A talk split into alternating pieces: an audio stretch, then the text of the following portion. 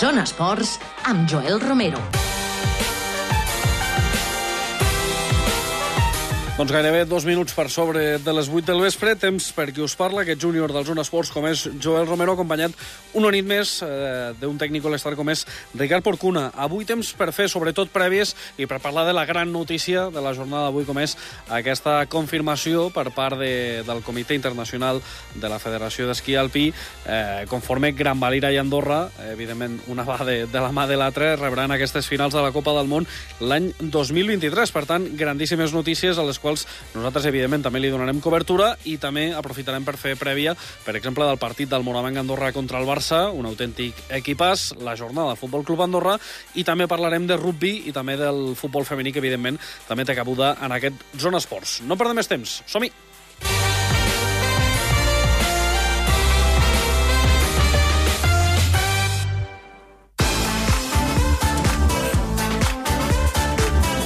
Zona Tècnics. Doncs abans de parlar precisament d'aquesta decisió de, de les finals de Copa del Món, en aquest cas del 2023, el que farem ràpidament és fer eh, una mica de prèvia del BBC, en aquest cas, que viatja aquesta setmana fora, concretament serà diumenge a les 3, jugarà contra el Toulouse i per comentar-ho, evidentment, ja tenim un amic del programa com és el Jonathan Garcia. Molt bona nit, Xepi. Bona nit, Joel. Nou repte fora de casa, evidentment és una de les eh, assignatures que, que teniu més que dominades. Esperem que aquesta setmana continuï així, no? Suposo? Així esperem, haurem de, de treballar de, Belén, de valent, sí que és veritat que, que és un equip que ara mateix en tres partits eh, està a baix de la taula, però bueno, no vol dir res, això tot just acaba de començar i haurem de fer les coses molt bé per intentar guanyar aquest equip.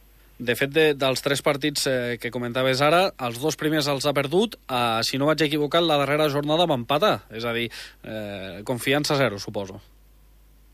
Exacte, ens hem de, de malfiar molt, molt sovint eh, contra els grans rivals, eh, fans, fas grans partits i a vegades subestimes una mica aquests eh, rivals que estan a baix de la taula i nosaltres, si cometem aquest error, ho, ho pagarem car i llavors haurem d'estar de, molt, molt atents i, i fer un gran partit per intentar endur-nos la victòria.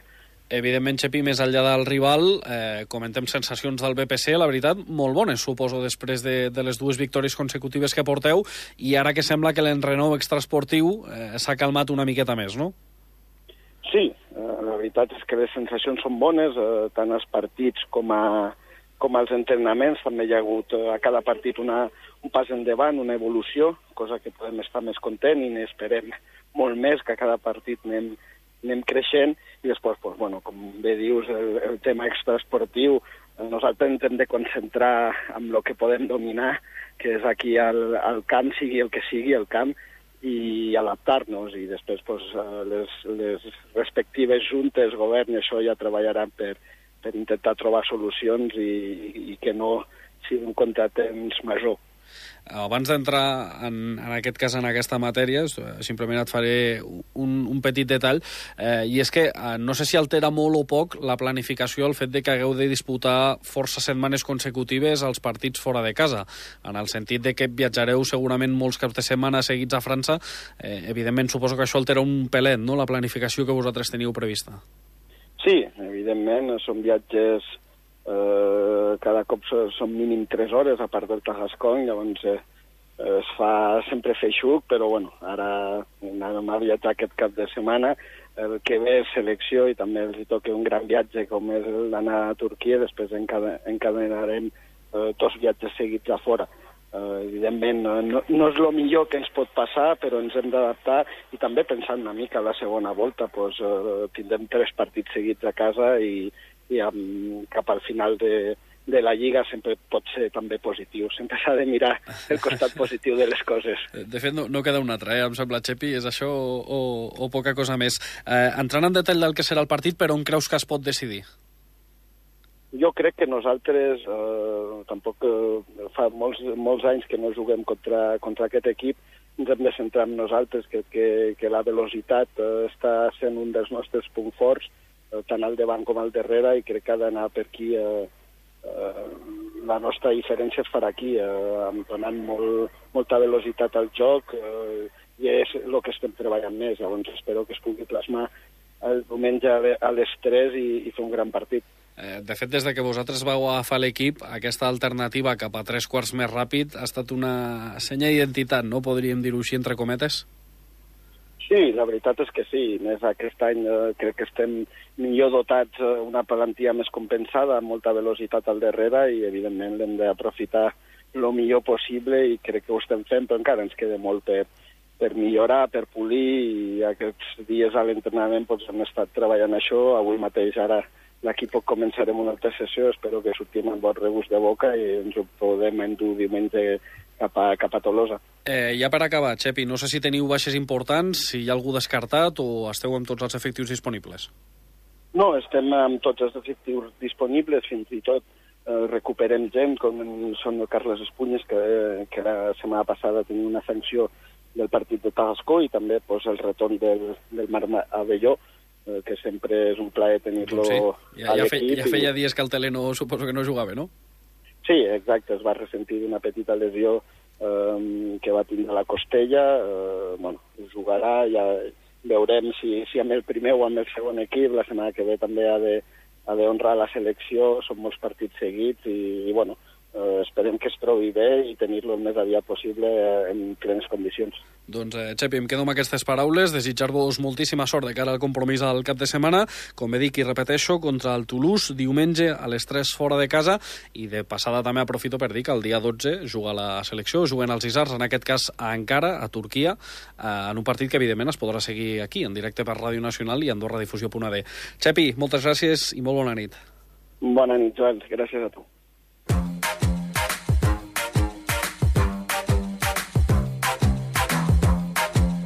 Zona protagonista.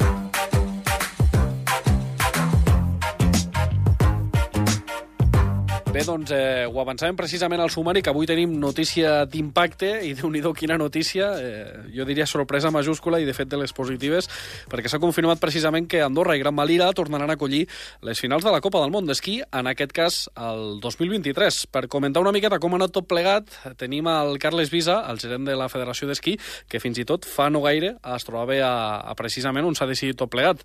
Molt bona nit, Carles. Hola, bona nit. Suposo sorpresa en majúscules, no m'equivoco, no? Bueno, sí, no deixa que sorpresa en majúscules, eh, com tu dius, no? Perquè, bueno, és el que sempre diem, no? Estem en un calendari d'una Copa del Món, eh, sigui d'homes o sigui de dones, doncs pensem que és molt difícil, realment doncs, és molt i molt complicat, hi ha molta competència, eh, hi ha estacions molt grans, destinacions molt grans, nacions molt grans, doncs, eh, eh, bueno, doncs que, doncs que nosaltres som els petits de tota aquesta història i la veritat doncs, que pugui estar a dintre un calendari així, doncs, eh, la veritat que la satisfacció és mm, enorme o potser diria doncs, eh, més que enorme, no? Jo, jo sé que tot just la proposta va sorgir a l'estiu, precisament de Gran Valira i la FAE, de, de portar precisament aquestes finals novament. Eh, clar, suposo que, tenint en compte que tot ha estat molt recent, perquè tot just acabem enguany de, de tenir unes finals i ja, com, ja concretament ja estàveu demanant les següents. Bueno, però potser justament ha sigut això, no? També el, el, el factor que ha fet de cantar una mica, no? Doncs que, que, que tot estigui recent, doncs això segurament ens ha ajudat a fer de cantar aquests vots doncs que, que probablement potser no hauríem tingut en un altre escenari i, bueno, la veritat, doncs, eh, al final la recompensa està aquí, no? La feina ben feta, doncs, eh, pensem que sempre té una recompensa, pensem que d'alguna manera doncs, es fa justícia i, i bueno, la veritat que, com et dic, no? supercontents de poder repetir, eh, evidentment doncs, amb molt respecte com sempre, doncs, perquè un esdeveniment així doncs, eh, som molt conscients del que costa i, el, bueno, i, de la, i del treball que s'haurà de fer per poder estar a l'alçada, però bueno, la veritat que molt contents. No? La notícia arriba precisament aquest migdia en el Congrés de la Federació Internacional d'Esquí a Zúrich, on de fet tu has estat fins fa no gaire. Eh, Comenta'ns una miqueta com ha anat aquesta votació i quines eren els rivals eh, potencials que tenia.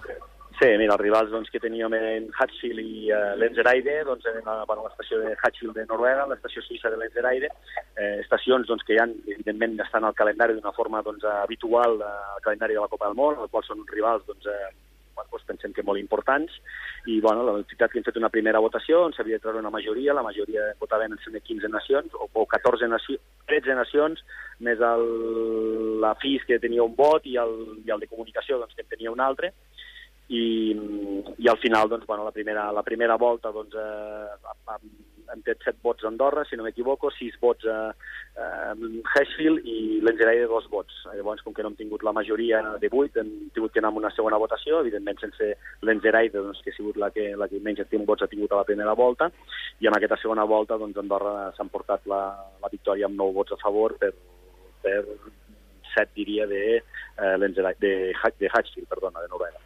Eh, en aquest sentit, entenc que satisfà el vostre principal objectiu, no?, de mantenir-vos en aquest calendari de Copa del Món, a comentar, ara, en un marge temporal superbreu. Sí, bueno, és una mica el, el, el que penso sempre hem dit, no? El, el fet de poder fer una Copa del Món cada any, doncs penso que potser seria una mica, o, o pensem doncs, que potser seria una cosa edat, eh, i sempre hem parlat nosaltres de, bueno, del, del fet de poder estar dintre un calendari doncs, eh, cada 3 anys, eh, 3, 2, 4 anys, no? Eh, bueno, de moment doncs, eh, sembla que això ho podem anar complint, doncs vam començar el 2012, el 14, el 16, el 19, ara estarem al 23 i bueno, doncs una mica doncs, això ja és la, la, la línia doncs, que ens ha de poder mantenir i, i bueno, doncs, ja veurem una mica també de cara al futur no? doncs, com, com estarem, no? però, però bueno, en qualsevol cas doncs, sembla que, la, que el, bueno, doncs una mica l'objectiu que ens havíem plantejat doncs, sempre que el anem complint. No?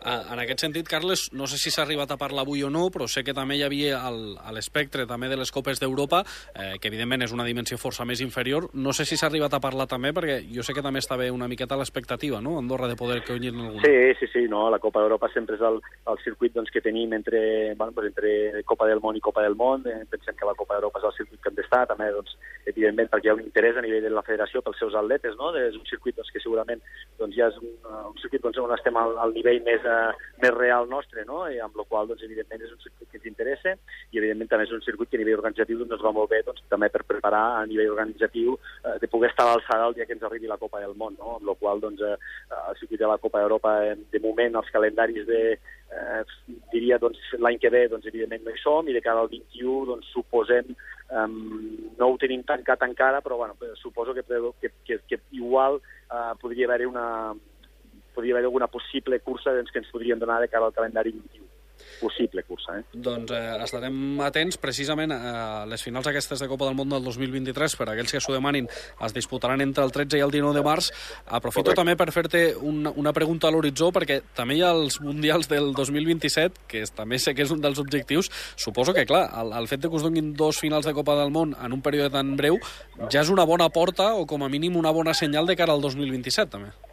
Bueno, és una mica el, el, el, el gran objectiu que ens havíem fixat, no? però és un objectiu, com dèiem, també molt, molt a llarg terme. No? Parlem de 27, parlem de 29, és a dir, bueno, ara estem eh, elaborant una candidatura, una candidatura doncs, que està fent xup-xup, que, bueno, doncs, que estem veient una mica tots els aspectes que hem de tenir en compte, que, que hem de, que hem de hem de disposar doncs, com a país a nivell doncs, eh, bueno, d'allotjament, de, dels requisits doncs, que d'alguna manera requereix la FIS i bueno, doncs, quan tot això eh, ho tindrem manegat doncs, eh, bueno, doncs ja veurem doncs, en, en quin moment ho tenim i en, i en quin moment hem de presentar aquesta, aquesta candidatura que com et dic doncs, no sé si serà el 27, si serà el 29 o potser serà una mica més endavant, eh? però bueno, en qualsevol cas doncs, eh, aquest objectiu ens l'hem fixat i continuarem treballant. No? Eh, Carles, ja per tancar i una miqueta tornant a la teva faceta més, més esportiva, eh, suposo que des del moment que es coneix aquesta notícia ja treballeu per, per tenir algun esquiador dintre del top 25 mundial precisament perquè arribi a aquestes finals a Andorra. Co correcte, no? que de fet no ho deixem mai de treballar, no? perquè no, evidentment. que sempre, que, que sempre perseguim, no? de poder estar doncs, d'alguna forma doncs, potser més permanent dintre aquest top 30 mundial. No? Bueno, és l'objectiu que, que perseguim i evidentment doncs, quan tens una organització d'aquestes doncs, a, a casa teva doncs, pensem que és això, no? justament el, el, el, el que ha de ser el detonant doncs, perquè, bueno, perquè d'alguna manera doncs, puguem acomplir aquests objectius. No? El fet de poder córrer a casa ha de ser, bueno, doncs, ha de, ha de ser per un corredor eh, eh, segurament una cosa de les més importants de la seva carrera esportiva i amb això hi creiem, no? amb la qual doncs, doncs evidentment doncs, eh, no, no els que ho deixem, però, però ens, això ens ha de donar l'energia doncs, que segurament ens fa falta per poder aconseguir aquest difícil objectiu. No? Doncs em quedo amb aquestes paraules, Carles. Agrair-te, evidentment, que hagis atès la trucada. Felicitar de passada a tot l'equip, tant de la federació com de Gran Valira, perquè de veritat us ho mereixeu i bona prova d'això precisament és el resultat que hem conegut avui. I agrair-te, evidentment, i que tinguis un vol de tornada plàcid. Carles, molt okay. bona nit i gràcies. Moltes gràcies a vosaltres. Fins ara.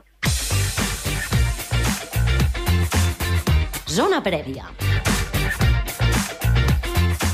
Doncs zona prèvia, evidentment, perquè aquest diumenge eh, podríem dir que hi ha un repte majúscul i fins i tot m'atreveria a dir altres paraules perquè la veritat que vingui aquí tot un Barça, evidentment, i més, eh, tal com està actualment, i havent-se confirmat tots els fitxatges que, que s'han plantejat durant la pretemporada, evidentment per noms, Corey Higgins, Abrines, que encara no ha entrat gaire a la rotació, menys mal, esperem que no sigui el dia al diumenge, Nikola Mirotic, Brandon Davis, eh, Malcolm Delaney, evidentment hi ha un reguitzell de noms que configuren una de les grans plantilles que hi ha actualment a Europa, un dels clars candidats precisament a guanyar l'Eurolliga enguany, i evidentment tot aquest reguitzell d'estrelles aterra al poliesportiu aquest diumenge a les 8, evidentment un partit que es podrà seguir en directe per Ràdio Nacional i Andorra Difusió.d, però eh, el dubte aquí està en quina versió del Morabanc és la que veurem al poliesportiu. Si la versió que hem vist fins ara davant València o Mònaco o si per contra hi haurà una reacció com a mínim a nivell d'intensitat i a nivell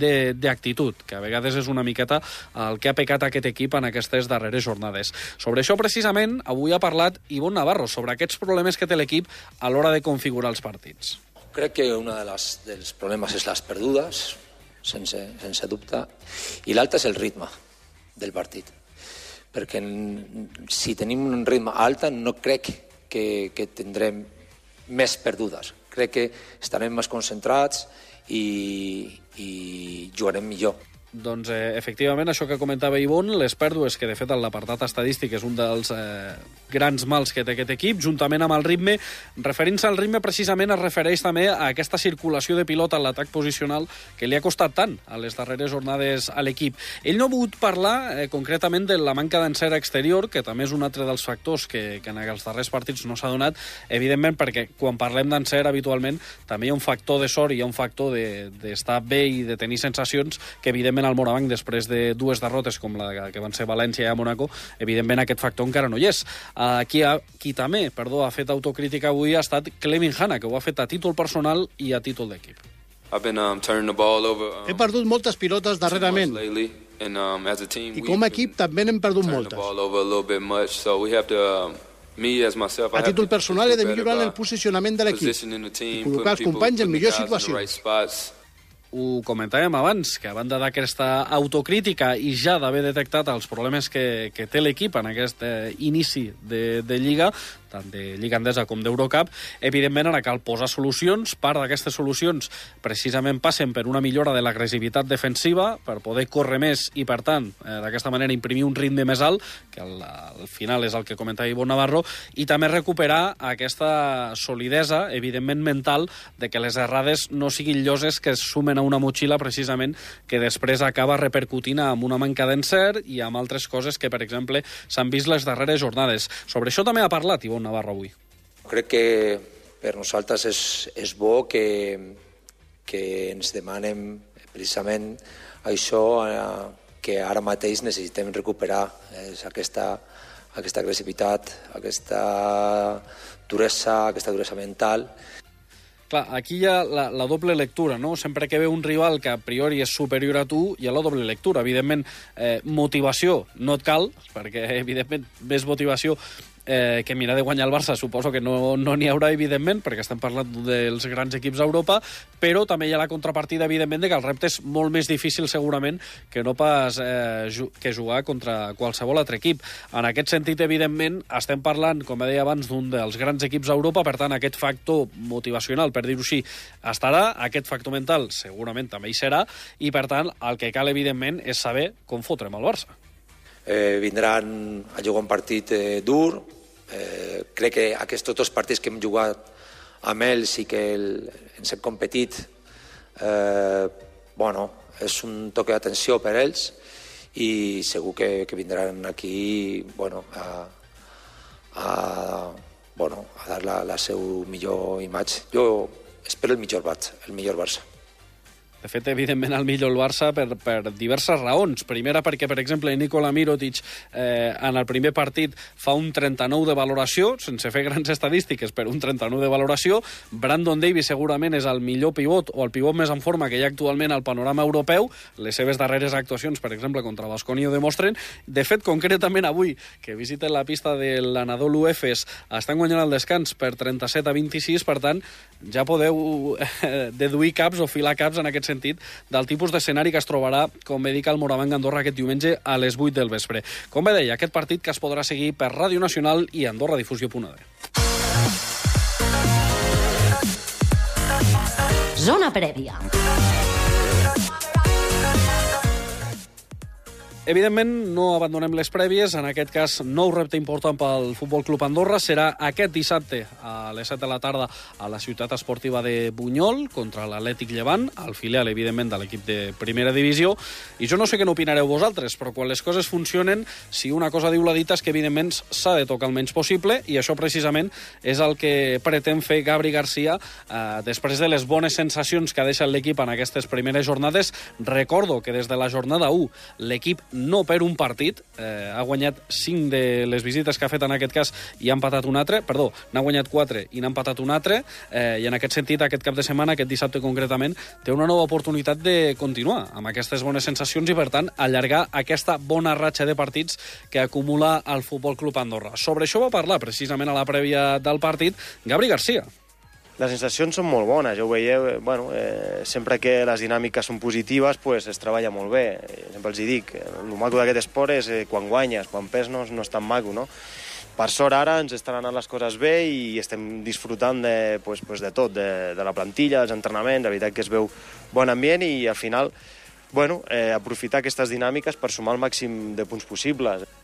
De fet, el Llevant, perquè ens entenguem, evidentment es tracta d'un rival filial, com a tal, eh, es pressuposa que és un equip que com a mínim ha de voler tenir protagonisme pel que fa a la possessió de pilota, segurament plantejarà una defensa prou avançada, segurament buscarà la pressió alta, tal com va succeir en el partit del Villarreal.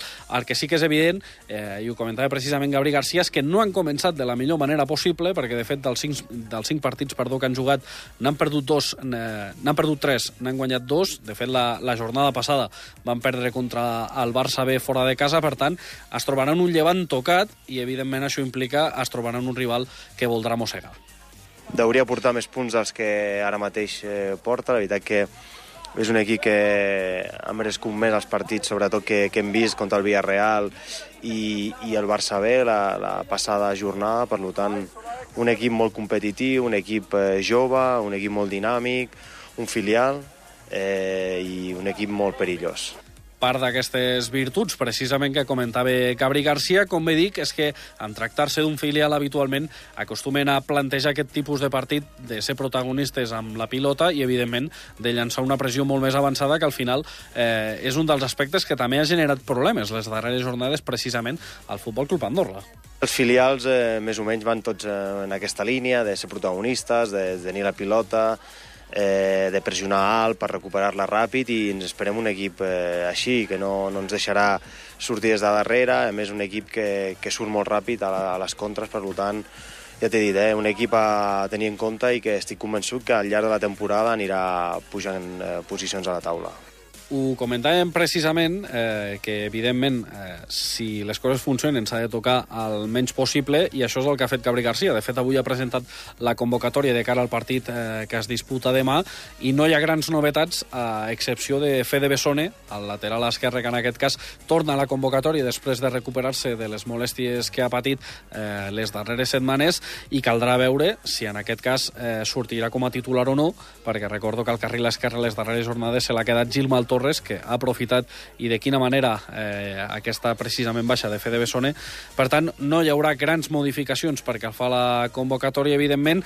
Eh, pressuposem que tampoc hi haurà grans novetats pel que fa a l'11, tot i que també tenim, tenim la incògnita de saber si finalment Víctor Casadesús eh, partirà des de l'inici o no, perquè de moment recordem que encara no ho ha fet, però eh, les vegades que ho ha fet sortint des de la banqueta, la veritat és que el rendiment ha estat molt positiu, perquè fins i tot ja acumula gols i acumula assistències, per tant, caldrà veure en quin moment, si és que arriba eh, aquesta oportunitat de titularitat per Víctor Casadesús. Més enllà d'això, també m'agradaria comentar una situació particular, com és el cas d'Emery Pinga, aquest eh, jugador sub-21 de Suïssa, que precisament eh, va ser un dels darrers fitxatges, o fitxatge de darrera hora, que va fer el club. Es tracta d'un davanter molt potent, que destaca precisament per la seva presència física, un home que sap jugar molt bé d'esquenes, però que encara no ha acabat de quallar en el sistema de Gabri Garcia fins al punt precisament de no entrar a les convocatòries de, de l'equip. De fet, aquesta setmana no ha estat una excepció, tampoc ha entrat en aquesta convocatòria.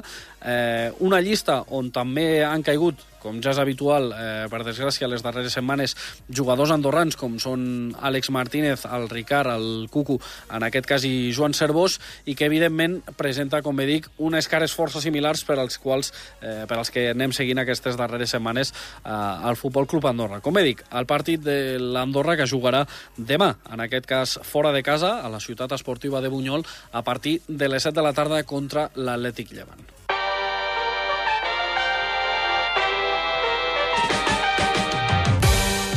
Doncs eh, havíem dit al sumari eh, que en aquest cas que voldríem parlar de futbol femení, perquè recordo que l'Enfaf té cita en aquest cas eh, aquest cap de setmana, demà dissabte a les 6 a Borda Mateu contra el Gimnàstic Manresa, un partit que evidentment eh, volíem comentar-lo amb el seu entrenador, amb José Antonio Martín, però malauradament comencen tots just ara l'entrenament i no l'hem pogut enxampar, per tant ja mirarem de parlar amb ell dilluns perquè ens comenti una miqueta com ha anat tot plegat.